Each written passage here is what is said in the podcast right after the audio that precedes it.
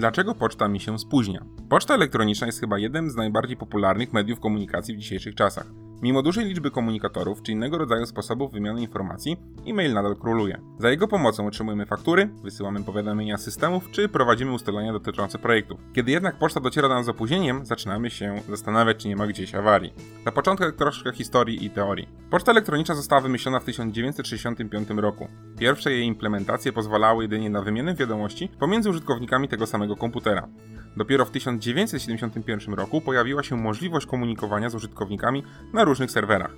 Powstał wtedy też znak małpka, który oddziela nazwę użytkownika od adresu serwera, na jakim się znajdował.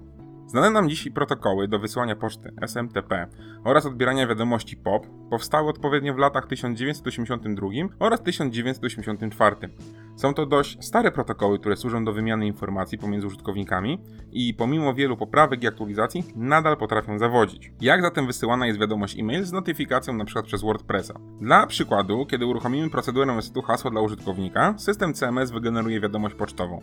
Trafi ona na serwerze do serwera poczty, który przygotuje e-mail i wyśle go do odbiorcy poprzez internet. Zanim jednak trafi wiadomość do skrzynki odbiorczej, przejdzie ona przez szereg filtrów i kontroli poprawności, aby wyeliminować spam. Mail wysłany o 12.07 dotarł o 12.27. Jak to się dzieje, że w dobie szybkiej komunikacji elektronicznej wiadomości e-mail docierają z opóźnieniem? Przyczyn może być wiele i bardzo często nie jest to awaria serwerów, a specyfikacja działania samej poczty elektronicznej. Dlaczego wiadomości docierają do mnie z opóźnieniem? Przecież jest to elektroniczne, to powinno być doręczane natychmiastowo, napisał zdenerwowany klient. Zanim zostanie wydany wyrok na serwery, zobaczmy najczęstsze powody, które powodują opóźnienia w dostarczaniu poczty elektronicznej. 50 twarzy grey listy. Jedną z metod obrony przed spamerami są szare listy z angielskiego grey listing.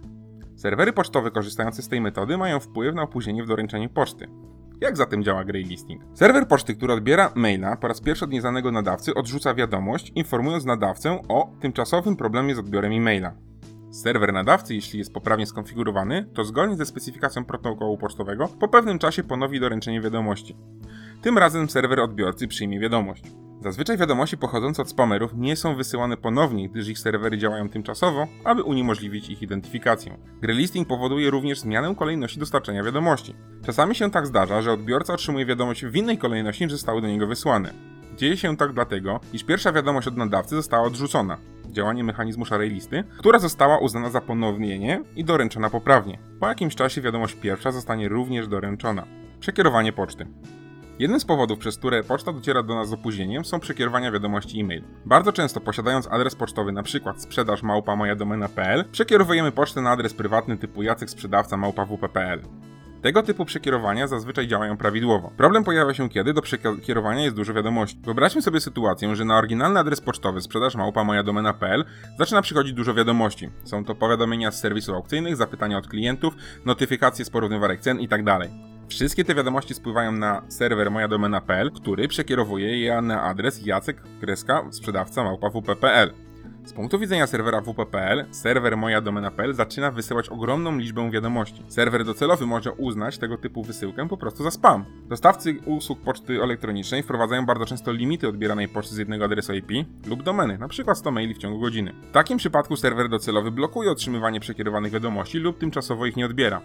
Serwer przekierowujący będzie co jakiś czas próbował przesłać wiadomość, dlatego może ona docierać z opóźnieniem. Ale przecież ja tylko przekierowałem jedną wiadomość, a i tak dotarła z opóźnieniem, napisał Tomasz. Tak, tego typu sytuacje się zdarzają najczęściej na serwerach współdzielonych czy hostingach. Na jednej maszynie znajduje się wielu klientów, którzy również mogli pozakładać tego typu przekierowania poczty do tego samego dostawcy. Odbieranie poczty przez Gmail. Jedną z ciekawszych funkcji poczty Gmail jest możliwość pobierania wiadomości z innych serwisów pocztowych.